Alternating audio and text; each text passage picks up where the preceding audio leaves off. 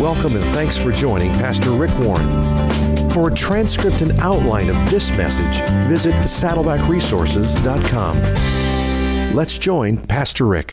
Good morning, everybody, and welcome to week two and Live Your Calling. What on earth am I here for? I want to say hi to our eight campuses, our six venues, those of you who are joining us online. And if you'll take out your message notes, or if uh, you have the Saddleback app, pull out your iPhone and we'll be duly impressed that you have that app and going to follow us on that. Now, to understand your life purpose and understand your life calling, you have to begin with God because God created you. And you can't tell yourself what your purpose is, only your Creator can tell you what your purpose is. And your purpose, your calling in life, actually begins in the nature of God. Now, the Bible tells us that God is love. We have talked about this so many times that God doesn't have love, God doesn't just show love, God is love. Love is the nature, the character, the essence of God. There would be no love in the universe if it weren't for the fact that God is love. The only reason you're able to love the only reason you're able to give it and receive love is because God, who is the God of love, made you in his image. Ants can't love, snails can't love, cows can't love. But human beings love because we're made in the image of God. Now, the Bible says that everything in the universe was created so God could love it. God has never made anything he doesn't love. He loves every rock, every tree, every plant, every animal, every human being. God has never made anything he doesn't love. So if you're alive, it means God loves you. And you were created as an object of God's love. We talked about this in 40 Days of Purpose. But this time, in this campaign, we're going to go much deeper in understanding the love of God that the reason why God made you and He made you to love you is so that you could experience that love and He could express that love. The Bible says this in Ephesians chapter 1, there on your outline. Long ago, even before He made the world, God loved us and chose us. Whoa, let me just stop right there. Before God even created the universe, He had already chosen you and loved you.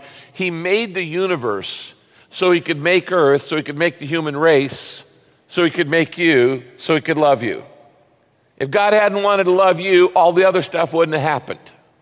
It says, before he made the world, God loved us and chose us in Christ to be holy and without fault in his eyes.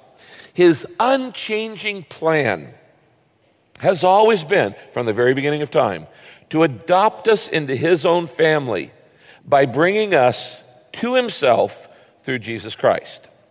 And this gave him, this plan to, to have a family. God wanted a family, and he wanted you to be a part of it. And the reason the universe exists is because God wanted a family. It was all made so we could be made, so we could be loved. And he says, and this plan gave him, read it with me, great pleasure. Circle that, great pleasure. Now, you remember when you read Purpose Driven Life, the Bible says you are planned for God's pleasure. And the reason you're alive is that God made you to love you. Now, that's all background. We all know that. In this series, when we look at the five callings of God, and the word calling is used far more than purpose in the Bible. When we look at God's calling on your life, we're talking about God's assignment, God's purpose for your life, God's reasons for creating you. I want you to write this down. The first purpose of my life is to be loved by God. The first purpose of my life, the first reason you were created, is to be loved by God. God made you to love you. Now, let that sink in a little bit. The first purpose of your life is not to serve God. The first purpose of your life is not to trust God. The first purpose of your life is not to obey God. The first purpose of your life is not even to love God. No, no. The first purpose of your life is to let God love you. God didn't create you first in first place to do something. He created you in the first place to receive something. Now, if you understand this revolutionary truth, and most of you have never really got this, it's going to transform your life. That my number one purpose in life is not to do something for God, it's to receive something from God, to get His love, because I was made to be a receptacle, a receiver, a benefactor of God's love. Let that sink in. Let me say it again because I don't want you to get this. Your first duty in life is not to do something, it's not to learn, it's not to listen, it's not to pray, it's not to give, it's not to sacrifice, it's not to serve. It's not all, those are all good things, but they're not the first thing God created you to do. He created you to accept, to receive His love, to just let God love you. That's the first purpose of life, to be loved by God. Now, this is taught all through the scripture in the book of Jude, and I always like to mention these, these little books that nobody ever reads. The book of Jude is a very short book, it's only one chapter, 25 verses. It's the second to the last book in the Bible, right before Revelation. And I always like to mention these because when you get to heaven, I don't want my people to be embarrassed in heaven. and, and when Jude comes up to you and says, Hey, how'd you like my book? I don't want you to go, Oh, Mr. Jude, I didn't even know you were in the Bible. No. When he walks over, he goes, Hey, Jude. Loved your book. Loved that book. Really good. In fact, one of my favorites because it was only 25 verses. I could, you could memorize the book of Jude. Now, very short book, but a lot of profound truth in it. And in Jude chapter 1, verse 1, it says this This letter is from Jude a servant of Jesus Christ, and a brother of James. Now, I want to stop here. That, friends, is one of the most humble statements ever written. You say, why? He says, I'm a servant of Jesus Christ and I'm a brother of James. He forgets to mention one thing he's the half brother of Jesus. We say, wait a minute, wait a minute. Jesus had brothers? Yes, Jesus had brothers and sisters. They're talked about in the Bible. When Mary gave birth to Jesus. She was a virgin. That was a miraculous birth because God was the father of Jesus Christ. But the Bible tells us that after Jesus was born, Mary and Joseph had many other children. They're mentioned in the Bible. One of them's named James, one of them's named Jude. He had Jesus had half sisters.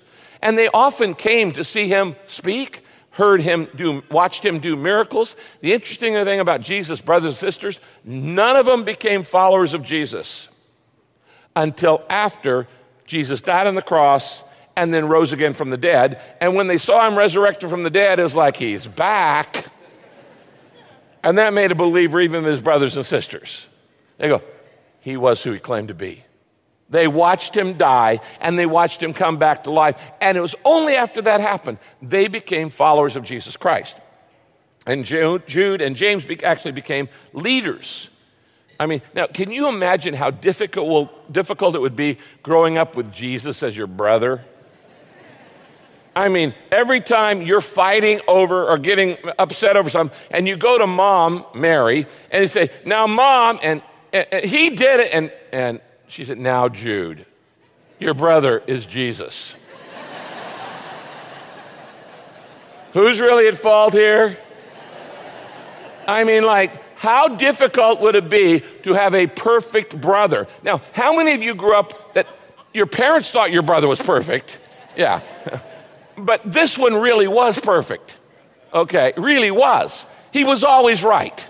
So I think I probably would have grown up with a little grudge on a chip on my shoulder and not wanting to believe he was who he claimed he would be. I, I think I'd feel that way. Like, come on, I grew up with him. I played stickball with him. But in Jude, it says this. This letter is from Jude, a servant of Jesus Christ. He doesn't, if anybody could have been the ultimate name dropper, it would have been this guy. Okay. But he says, I'm just a servant of Jesus and a brother of James. Doesn't even mention that thing. And I'm writing to all who are called to live in the love of God the Father. Circle the word called. And what am I called to do? I'm called to live in the love of God. The love of God the Father and in the care of Jesus Christ. Now, if the first purpose of my life is to be loved by God, my first calling is this I'm called to enjoy a relationship with God. Write that one down. My purpose is to let God love me. My calling is to enjoy a relationship with God. I'm called to live in the love of God. It's a relationship. What I'm saying to you, this is so fundamental, is that the number one calling in your life is not to a role, it's not to a responsibility, it's not to a bunch of rules. It's not to regulations. It's not to ritual. It's not to religion. It's to a relationship. Now, this is going to surprise some of you. Christianity is not a religion. People try to make it a religion. They try to make it about rules and regulations and rituals, but it's not about it. Jesus said it's about a relationship. God sent Christ so you could have a relationship, not a religion, but a relationship to God, because God is love and He wants you to learn to experience His love. Now, what kind of relationship does God want you to have with Him? Does God want you to be His slave? No. Does God want you to be His servant? No. Does God want you to be His soldier and fight His battles for right and wrong in the world? No. Does God want you to be his warrior? No. Does God want you to be his worker? No. Does God want you to be his employee? No. Does God want you to be his minions? No. God wants you to be his son or his daughter. He wants you in his family. Here's what the Bible says Romans chapter 1. Dear friends in Rome, this is Paul writing, God loves you dearly. Circle that word dearly. God loves you dearly. And He has called you, there's that word, here's the calling of God. He has called you to be His very own people. So here are the three fundamental truths of everything we're doing in this campaign. The first purpose is to be loved by God. That's my first purpose. My first calling is to enjoy a relationship with God. And number three, that relationship that God wants me to have is to be His son or daughter. The relationship God created you for is to be his son or his daughter. Now, that is the most amazing truth you will ever hear in your life that the King of Kings, the Lord of Lords, the creator of the universe, doesn't want you to be a slave, servant, soldier, but his son and his daughter and his child. God wants a family to love, and he wants you in it. Here's what the Bible says 1 John chapter 3. What an incredible quality of love the Father has shown to us that we should be named and called and counted the children of God. And so we are. I love that in the Amplified. We're named the children of God. We're called the children of God. We're counted the children of God because we are the children of God. This is your number one calling in life. Your number one purpose in life is not to accomplish something. Your number one purpose in life is not to make something of yourself. Your number one purpose in life is not to make a lot of money, to be famous, to have a lot of fun. Your number one purpose in life, God created you and called you to be loved by Him, to experience that love. And most people have never truly experienced the love of God. Oh, they've heard about it. Everybody here said, Oh, God loves you. Yeah, yeah, I know. God loves me. The very fact that you're bored by that means you don't get it. Because if you got it, you would be so excited about it. You've never experienced it. You've heard it in your head, but you don't have it in your heart. And a lot of people are going to miss heaven by 18 inches because they got it here and they don't got it here. They don't have it here. You've got to experience God's love in your life. He says, We're named and called and counted the children of God. Now, why in the world would God do that? In order to express His love. And God's love is extravagant, and God's love is lavish, and God's love is beyond com- comprehension. And as I've said so many times, He loves you on your good days and bad days when you feel it and don't feel it, when you think you deserve it, when you don't think you deserve it. You can't make God stop loving you. God will never love you any more than He does this second. God will never love you any less than He does this second. Because God's love is not based on who you are or what you do, it's based on who He is. God is love. So I'll say it again because I want you to get it. Your number one calling in life is not to do something, to impress God with what you do. Your number one calling in life is to receive something, to let God love you. Now, the Bible says this in Ephesians 3. I pray, and by the way, as your pastor, this is my prayer for you during these six weeks. I pray that Christ will be more and more at home in your hearts as you trust In other words, that you get more and more comfortable with, God, with Jesus in your life. May your roots go down deep into the soil of God's marvelous love. Your life needs to be rooted in the love of God. And he says, and may you have the power to understand, as all of God's people should, how wide and how high, along and how high and how deep his love really is. And may you experience the love of Christ. Not just know it. Experience, circle the word experience. God says, I want you to feel loved. I don't want you to know you're loved. I want you to feel it. I want you to feel it in every fiber of your life. May you experience emotionally the love of Christ. Though it is so great, you'll never fully understand it.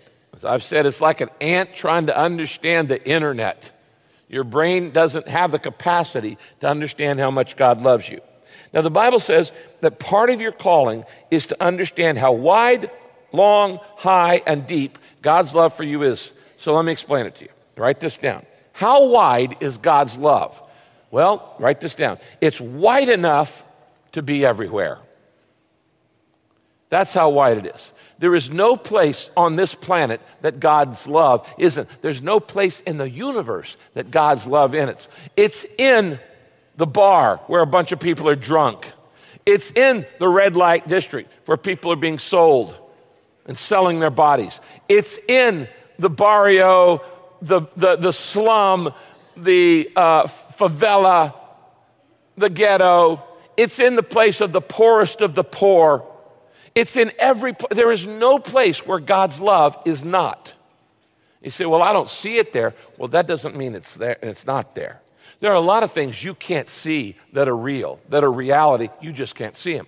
For instance, right now, through this airwave, there are radio waves going through this air between me and you. Actually, these these radio waves are going through your body right now, and they carry music. And there, there are television waves right now going through the air that are carrying colored pictures. You can't see them and you can't hear them unless you have a receiver and you are tuned in. They're real, you just can't see them. We can't see God here right now. You don't see him. But he's here, he's real. And if you tune in, you'll experience it. If you get on God's wavelength, you will experience his love. You will know he is as real as I am standing here today, but you got to tune in. And just because you can't feel him or see him right now doesn't mean he's not there. You can't see those radio waves. There are a lot of stuff that you can't see. You can't see an atom, but everything in life is composed of atoms. So, how wide is life? It's wide enough to be everywhere. That means there, in your life, there will no, be no place you go where God is not. And although you may feel lonely and you may feel alone at different points in your life, you will never, ever, ever truly be alone because God's love is there whether you are aware or not. It's wide enough to be everywhere. Number two, it's long. How long is God's love? It's long enough to last forever. Now, that makes it different than human love because human love wears out. And that's why we have divorces. And that's why we have breakups. That's why we have conflict. And that's why we have people estranged from each other that are not reconciled, because human love often wears out, but God's love never wears out. God will never, never, never, never, never, never stop loving you. Even if you chose to reject Him and go to hell, God will still love you. because God's love is eternal. He made you to love you. God loves you with an everlasting love. It's long enough to last forever. How deep is God's love? It's deep enough to handle anything.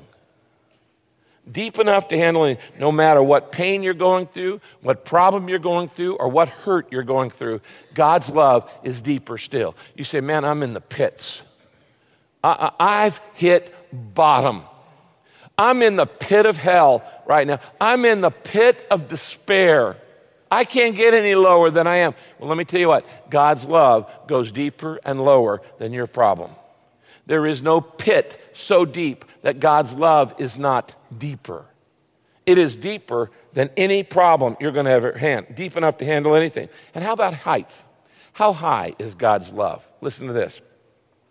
It is high enough to overlook my sins, to overlook my faults, to overlook my mistakes. Because of Jesus Christ, God is able to overlook my faults, my failures, my flubs, my sin, my rebellion.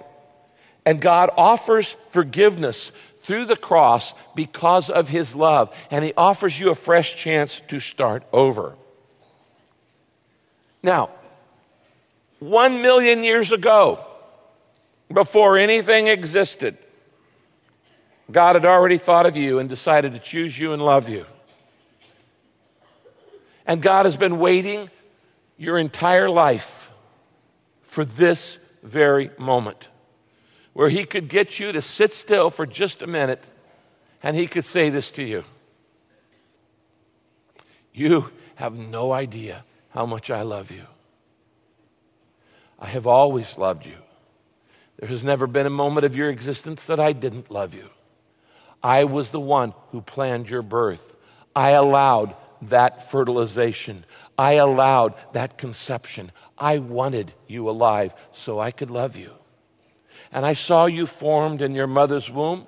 I saw you take your first breath. I heard your first cry. There's been no moment of your life that I've turned my back from you, that I have not listened to you, that I have not watched you. I've saw every pain you go through, every sin you've ever done, the celebrations and the sadness, the happy times and the sad times, the grief, the pain, the exhilaration. I've been there at every moment of your life. And whether you realized it or not, I was gazing on you in love because I made you to love you.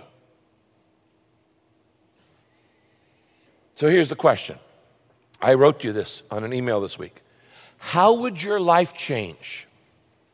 How would your life be different? How would it be transformed if you began to be aware of God's unconditional, continuous, and never ending love for you? How would your life change if when you got up in the morning, the first thing you felt was, I am deeply and unconditionally loved by God? And as you got out of bed and you went to the take your shower, you'd think, I can sense God's love in my life. And how would it be as, as you got ready and you ate your breakfast, you felt the love of God. And as you got in your car to go to work, you felt the love of God. And as you got to work or you got to school, you felt the love of God. And when you came home and you went to a movie or you watched some TV or you worked out in your backyard, you were sensing God's love. What would it be like if you felt God's love unconditionally in your life totally and you were aware of it all the time? How would that change your life? I want to give you five ways.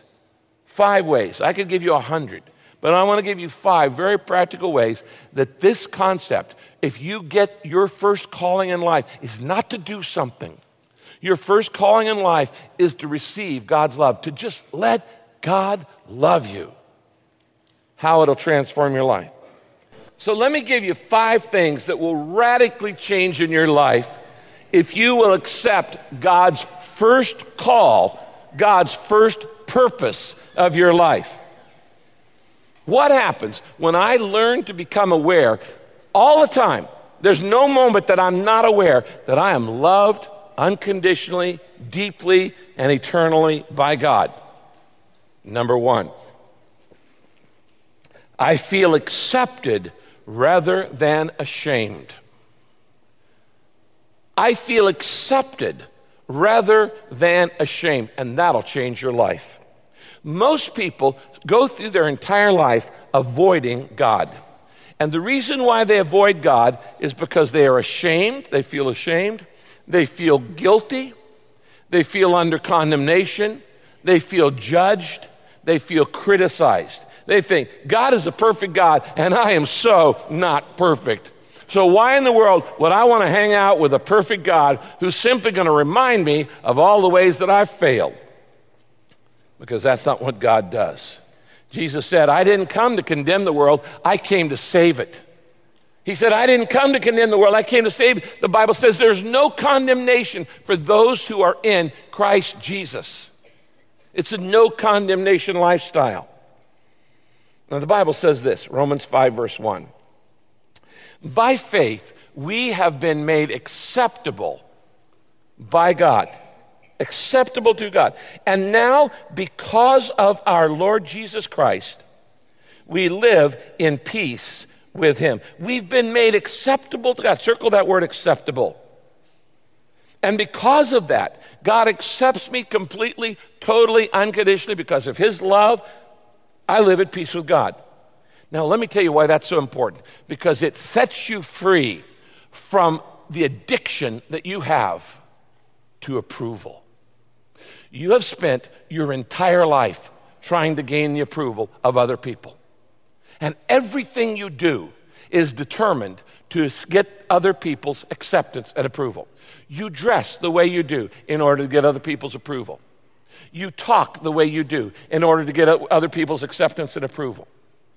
You do certain things in life, some things you wouldn't even want to do, but you do them because you want the approval of other people. And you are addicted to their approval. And you've been trying to gain approval from some unpleasable people your entire life, and you're never going to get it. But when you realize that God loves you unconditionally and without condition of any type, you realize this I don't need the approval of other people and it sets you free. I don't need other people's approval to be happy. Most of your life, you have been worried about what other people think. And that's because you don't feel totally, unconditionally loved by God. And when you don't feel it, then you're trying to make yourself impressive and you're trying to prove, uh, uh get the approval of other people. But when you know God loves you, criticism doesn't bother you anymore. It, it, it, because if God loves me and I like me, you don't like me, that's your problem.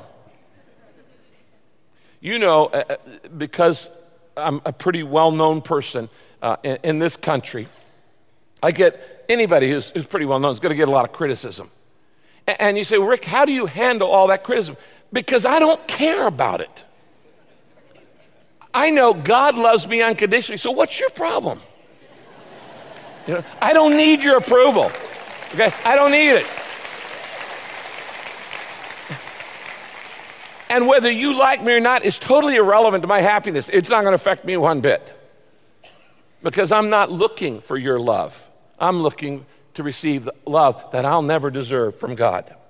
Criticism doesn't bother you. Look at the next verse, Romans 8.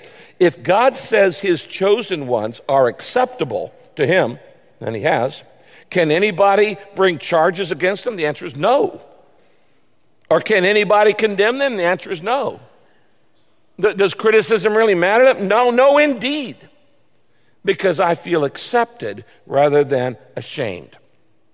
That's a big one. It'll set you free. Number two, when I experience the unconditional love of God on a daily, moment by moment basis, I am bold in bringing my needs to God. I'm bold in my prayers. Why? Because I'm a son of God. I'm a daughter of God. I'm a child of God. I'm a member of the family. And so I know God loves me unconditionally. And when I pray to Him, I can talk to Him about anything because I'm His son. When my kids were little and they would come to me, they could ask me anything. And, and, and uh, they would come and just tell me what they needed. They assumed I had everything, knew everything, and could afford everything. Now, you know that's not true, and I know that's true. But with God, it is true. The Bible says, well, actually, in Romans 8, All who are led by the Spirit of God are children of God. So, you should not be cowering like fearful slaves. No, no, no. You should behave instead like God's very own children, adopted into his family. God adopted us into his family, calling him Father, dear Father. Now, I love that phrase, Father, dear Father. The word there is the Aramaic word Abba. Now, Abba is not just a Swedish rock group. Abba is the word in the Middle East, in almost all of the Semitic languages, for daddy. It's the first word every kid in the Middle East learns. Abba. It's easy to say. Abba, Papa, Dada, Mama, Abba. Abba simply means daddy. And the Bible says that when you come to God in prayer, you come to Him and you say, Dada, Papa, Abba, Father, dear Father. You don't come to him with some fancy phrase. If my kids had come to me and saying, they needed allowance, but oh, thou most gracious progenitor of the Warren family, thou wonderful observer and keeper of all the family funds, I'd go, huh? No, no, they just say, Dad, I need cash. Okay, it's just like real straightforward. Very bold, Dad, I need cash. And the Bible says that you can come to God and say, Dad, I need cash. Abba, Father, just in the most intimate terms. God doesn't want you. You know all these fancy, flowery prayers that everybody prays? God's going, What are you talking to? You were to talk to me as Abba, Father, Daddy, my daddy in, an, in person, I feel bold in bringing my request to God. Talk to Him, Father, dear Father. And since we are His children, we will share in His treasures. In other words, I'm a son of God, I get the family inheritance. You're a daughter of God, you get the family inheritance. We will share in His treasure, for everything God gives to His Son, Christ, is ours too. This last week, Kay and I went to see the movie uh, Lincoln. Have you seen this movie? It's a good movie. You know what impressed me the most about Lincoln? Was not what a great leader he was. He was, and a magnanimous leader. He was. What impressed me the most throughout that movie was how he gave total, complete, unconditional access to his youngest child, Tad. And Tad, here's Lincoln, the most powerful man in the world in the greatest crisis in American history, the Civil War, there is a line of people outside waiting to get in the Oval Office, waiting for weeks for an appointment. And little Tad can come barging into the Oval Office at any point. And Lincoln will stop talking to the Secretary of War or the Secretary of Defense or whatever and sit down and put Tad on his, on his, on his uh, lap and say, What's going on? And Tad will even come in with, you know, uh, you know pulling a, uh, you know, a little horsey pulling a trailer and all kinds of stuff. And, and why? He has privileges. He's a son. He's not all those people like out in the outer room. He's family. He gets special entry. He has total access to God. I'm a son of God. You're a son of God. You're a daughter of God. You get total access because He loves you that much. He didn't say, Excuse me, I'll put you on an appointment in three months. You can come boldly to God and talk to Him about anything, anytime, anywhere, and God's not going to go, uh, Excuse me, I'm a little busy. I'm trying to solve the Middle East crisis right now. No, you're a child of God. You get special privileges. And you're bold in bringing your needs to God.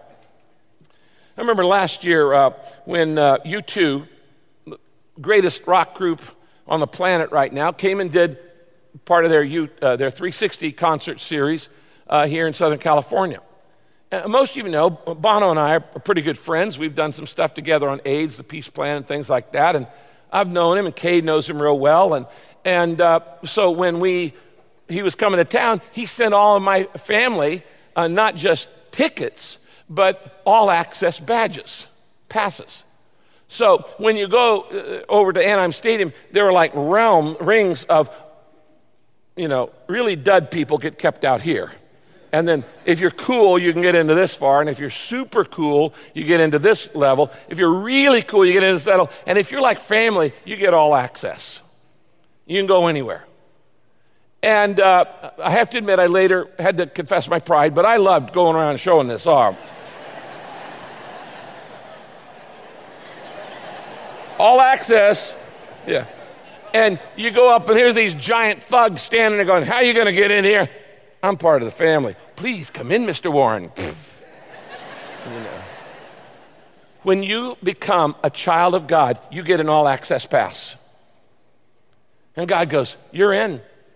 Anytime you want to talk to me, pick up the phone, talk to me, talk to me in prayer 24 hours a day. I become bold in bringing my needs to God. Look at this verse, Hebrews 4:16. Let us then approach the throne of grace. That means prayer.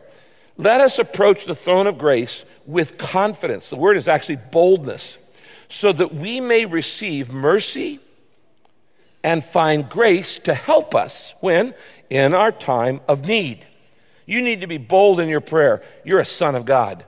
You're a daughter of God. You're loved unconditionally. And Jesus said, You can ask anything in my name.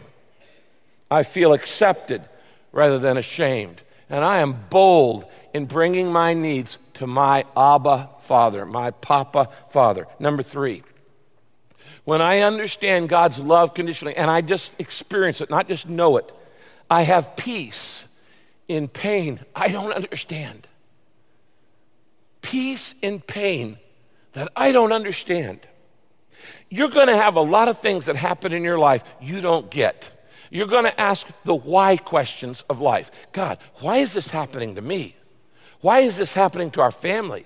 Why now? Why here? Why this? You're going to see things happen in the world. Lord, why? Now, let me just say up front God doesn't owe you an explanation for why He allows anything. I will tell you this not everything that happens in the world is God's will. God hates evil, and a lot of evil's done in the world. And God could easily take away evil, really simple, take away your freedom to do it. And mine too. Because you've done some evil things in life, and so have I.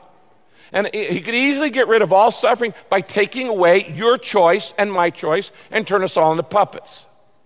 But he wants us to voluntarily love him. So he puts up with the pain that evil caused in order to give you the freedom of choice. And you're going to go through life, and a lot of things in life you're not going to understand. Losses you don't understand, hurts you don't understand, rejection you don't understand, problems you don't understand. But here's the thing you don't have to understand them to be at peace. In fact, an explanation doesn't give you peace anyway. When someone you love dies, if somebody told you the explanation for it, it wouldn't get, make you any happier. You still have the loss. Explanations don't comfort. What you need is not peace, I mean, not uh, an explanation. You need presence, the presence of God in your life. And what you need is what the Bible calls the peace that passes understanding. Look up here on the screen. Philippians 4 7 says this The peace of God, which passes all understanding, will keep your hearts and minds through Christ Jesus. Now, what is the peace that passes understanding? It's when you feel at peace even though you don't understand what's going on. You have no reason, no explanation, no discernment. You just don't know why it's happening, but you're still at peace. And that is a supernatural peace that comes from God. Is that peace that passes understanding? Because I don't know why this is happening, but I do know this. I do know God is a good God. And I do know that He loves me. And I do know that He wants what's best for my life. And I do know that I can trust Him even when I don't understand it. That's the peace that passes understanding. And it comes from feeling the love of God in your life.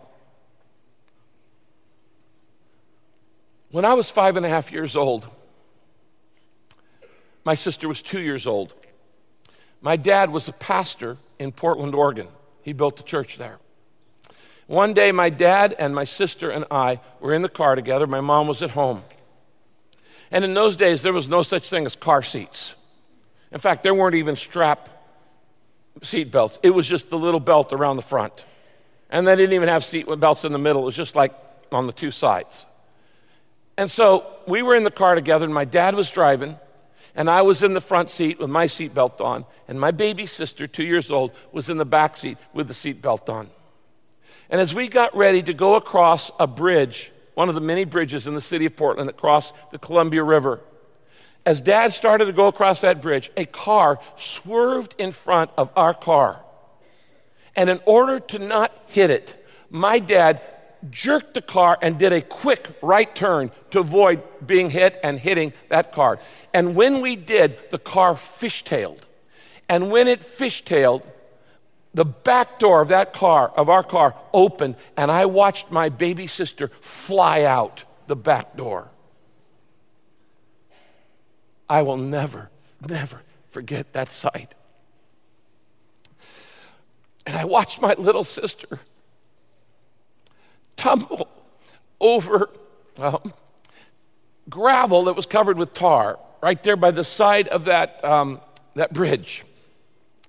And in horror, I watched her tumble over and over as she flew out that door. I'll never forget what happened next. My dad slammed on the brake, jammed it into park, jumped out of the car, and ran over and scooped up my baby sister who was bleeding profusely in his arms, uh, ran back to the car and put her in the front seat. And uh, there was no seatbelt for her. So it was my job to keep her there while he's driving 90 miles or 80 miles or 70 miles an hour, however fast it was, to get to the hospital. We get to the hospital and they rush my baby sister into the emergency. And dad runs over to the phone to call my mom to tell her about this horrible scene that we have just witnessed. And I'm sitting as a five and a half year old boy in that waiting room by myself, having just witnessed this horrific event. And I was paralyzed with fear. And in my simple little way as a little boy, I began to pray.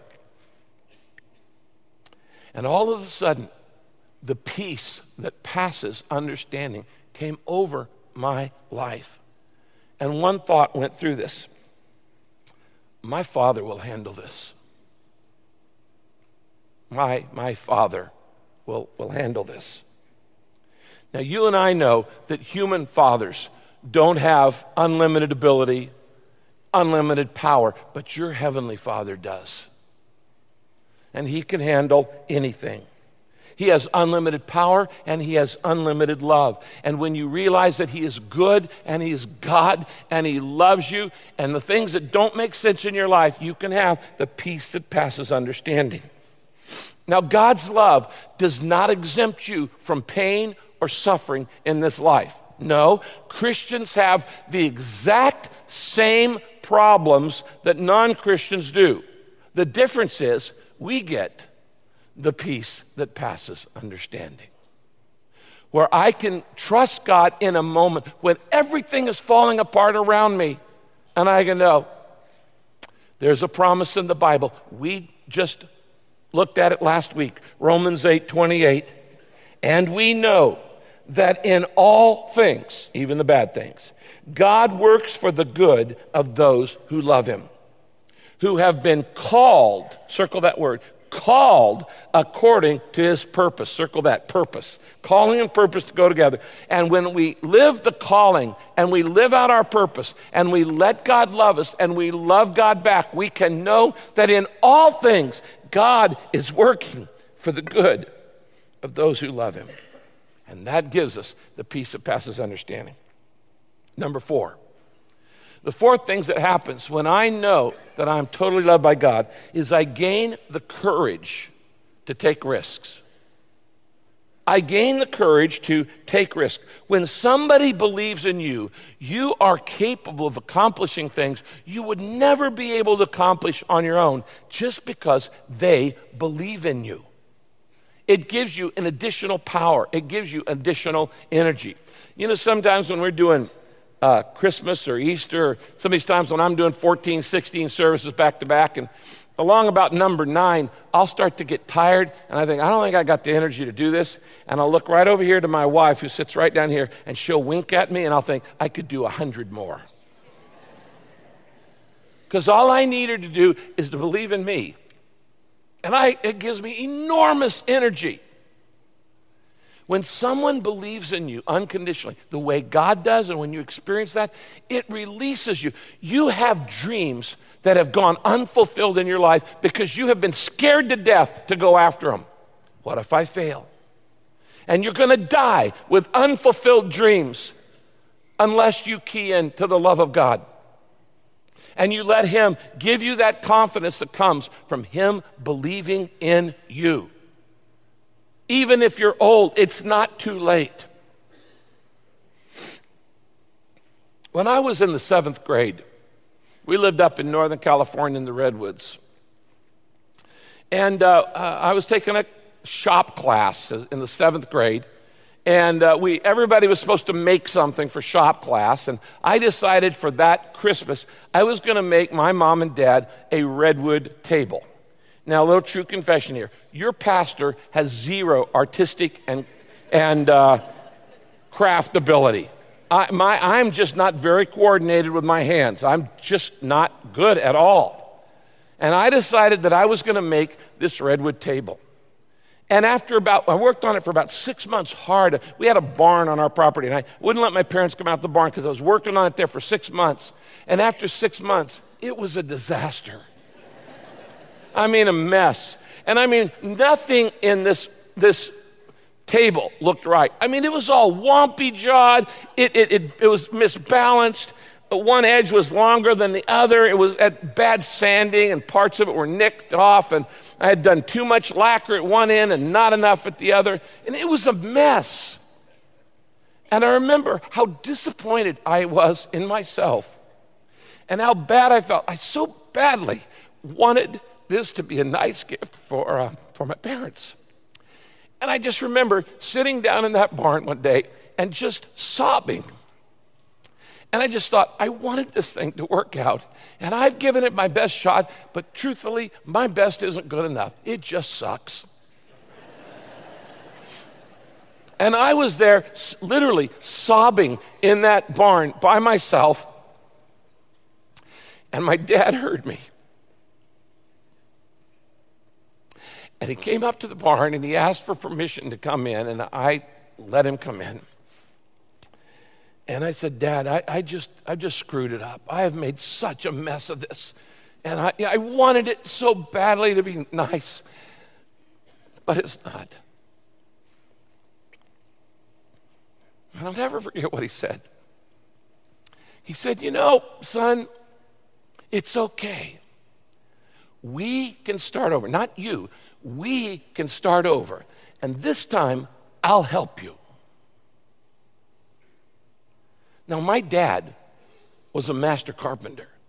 In his lifetime, he built about 150 churches all around the world. He knew how to build stuff. So if my dad said, This time I'll help you, it's a done deal. It's going to succeed. And this is what your Heavenly Father is saying to you today. I don't care if you're 15 or 50 or 95. God is saying, you may have really messed it up royally. And you gave it your best shot, but it just flat out wasn't good enough. And you're really, to be honest, if you're honest with you, you're disappointed in your life. And your Heavenly Father comes to you today and says, It's okay. You can start over. And this time, I'll help you. We will do it together. And one plus God is a done deal.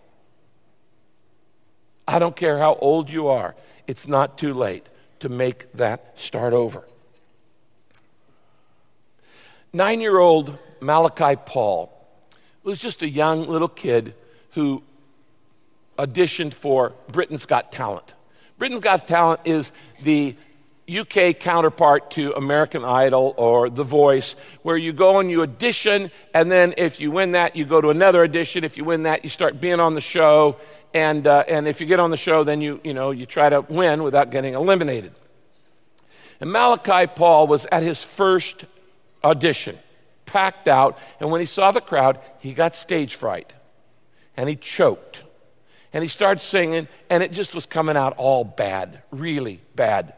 And he wasn't doing very good at it. And he got so embarrassed at his own work, he froze on stage and just stopped and started crying. His single mom was standing in the wings, and she runs out and she hugs him. And I want you to know unconditional love turns a loser into a winner. You have no idea how many times your Heavenly Father has wanted to reach out and grasp you in His arms when you have felt like, I just blew it.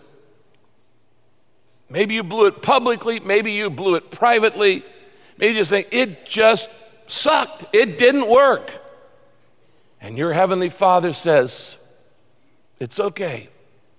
We'll start over. And this time we'll do it together.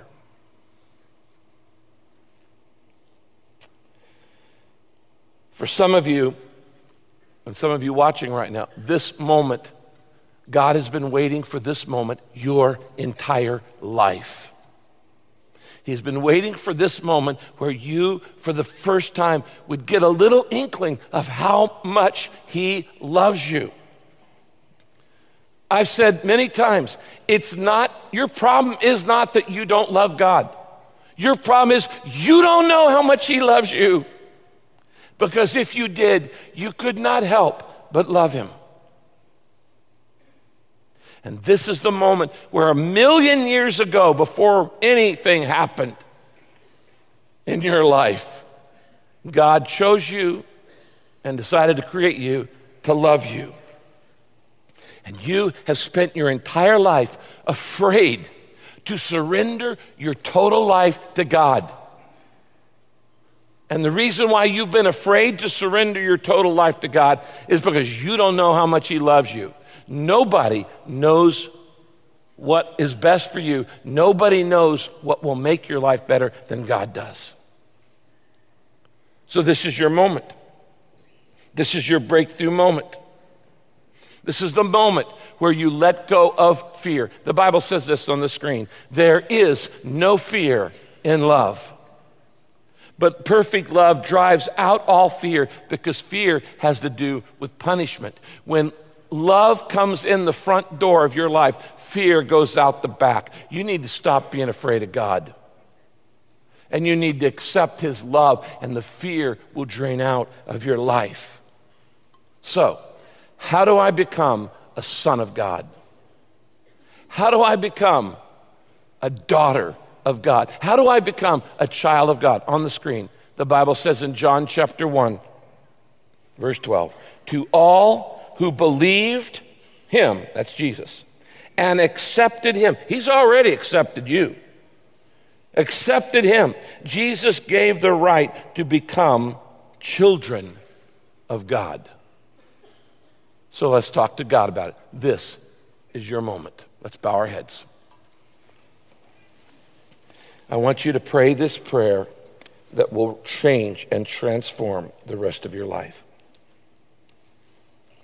Dear God, just say this in your heart I am so amazed at how much you love me. Thank you that your love for me is wide enough to be everywhere I go. Thank you that your love for me is long enough to never to last forever. You will never stop loving me.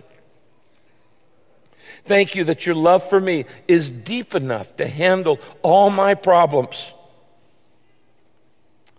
Thank you, God, that your love is high enough to overlook all my sins, all my mistakes, all my faults and failures because of Jesus. God, I want to feel accepted rather than ashamed. I want to be bold in bringing my needs to you. I need the peace that passes understanding. I want to have peace even in pain that I don't understand. I need your love to give me the courage to take risks, to go after my dream. Jesus Christ, as best I know how, I surrender every particle and room of my life. And I want to learn to love you back because you love me so much. And I want to spend the rest of my life with that first calling of letting you love me. And I pray this in your name. Amen. If you prayed that prayer in a minute, I want you to take this card that's in front of your seat and write on the back, I prayed that prayer. Or check the box, I committed life, life to Christ. Drop it in the basket so I can send you some material. Now, the fifth things that happens when you understand the love of God in your life is I worship instead of worry. I worship instead of worry. What is worship? Worship is simply expressing my love to God. Anytime you say to God, I love you, God, that's worship. You can worship in a small group. You can worship in a church building, a service. You can worship with the windows rolled down your car and the, and the radio blaring. Anytime you express love to God, you are worshiping. Worship is always response. We love God because He first loved us. Look on the screen. We love God. We love because God first loved us. Remember, your problem is not that you don't love God, your problem is you don't understand how much He loves you. Now, how do you know, and we'll close with this, how do you know when you're not feeling God's love? Oh, it's real simple. One simple thing worry. When you worry, at that moment, you have forgotten how much God loves you. Worry is acting like an atheist. Worry is pretending you're an orphan. Worry is saying, I've forgotten I have a heavenly Father who loves me, wants what's best for me, and created me and is watching over me. Worry is pretending like you're all on your own. You're not. Worry at that moment means, at this point, I have forgotten how much God loves me. And you need to choose worship over worry. My oldest son, Josh, had to go back east this week, and he hates to fly when there's turbulence. And because of the storms, he said, Dad, it was constant turbulence. And he said, I had to decide, was I going to worry or was I going to worship? So instead of worrying, he said, I put in my earbuds and put on a bunch of worship songs. You're going to panic or pray the rest of your life. You're going to worry or you're going to worship. You're going to look at your problem or you're going to look at God. Jesus said this Don't worry about having enough food or drink or clothing. He'll give you all you need. From day to day, if you live for Him and make the kingdom of God your primary concern. So don't worry about tomorrow, for tomorrow will bring its own worries. Today's trouble is enough for today. And this promise, that verse right there, is why we're doing Live Your Calling. Now, the next four weeks, you don't want to miss any week. This is the most important series I've ever done. You don't want to miss any week. Those next four callings, don't matter at all if you don't get this first one, because they all flow out of love, not out of duty, not out of guilt, not out of pressure, but they flow out of letting God love you, being loved. So let me close now. First, three things. Number one, it's not too late to get in a group. If you're not in a group, I don't want you to miss these six lectures that I videotaped. I don't want you to miss this discussion. And I don't want you to miss the new stuff I've written in, uh, in the book. And if you'll say, I'll get a couple friends and we'll go through this material the next six weeks, go out to the patio and we'll get this for you. It's not too late because that's the heart of what we're studying. Second, if you missed the last two weeks, you need to register for Live Your Calling. Third, we're going to close with our memory verse for the week. It's the second to last verse on your outline, and it is Romans 6:13. Give yourself completely to God since you have been given new life. Now, that's pretty easy to remember. Romans 6:13, give yourself completely to God since you've been given new life. Let's say it aloud together. Romans 6:13, give yourself completely to God since you have been given new life. And where is that? Romans 6:13. We hope that you've been encouraged by this message. For a transcript and outline of this message or other resources, please visit saddlebackresources.com.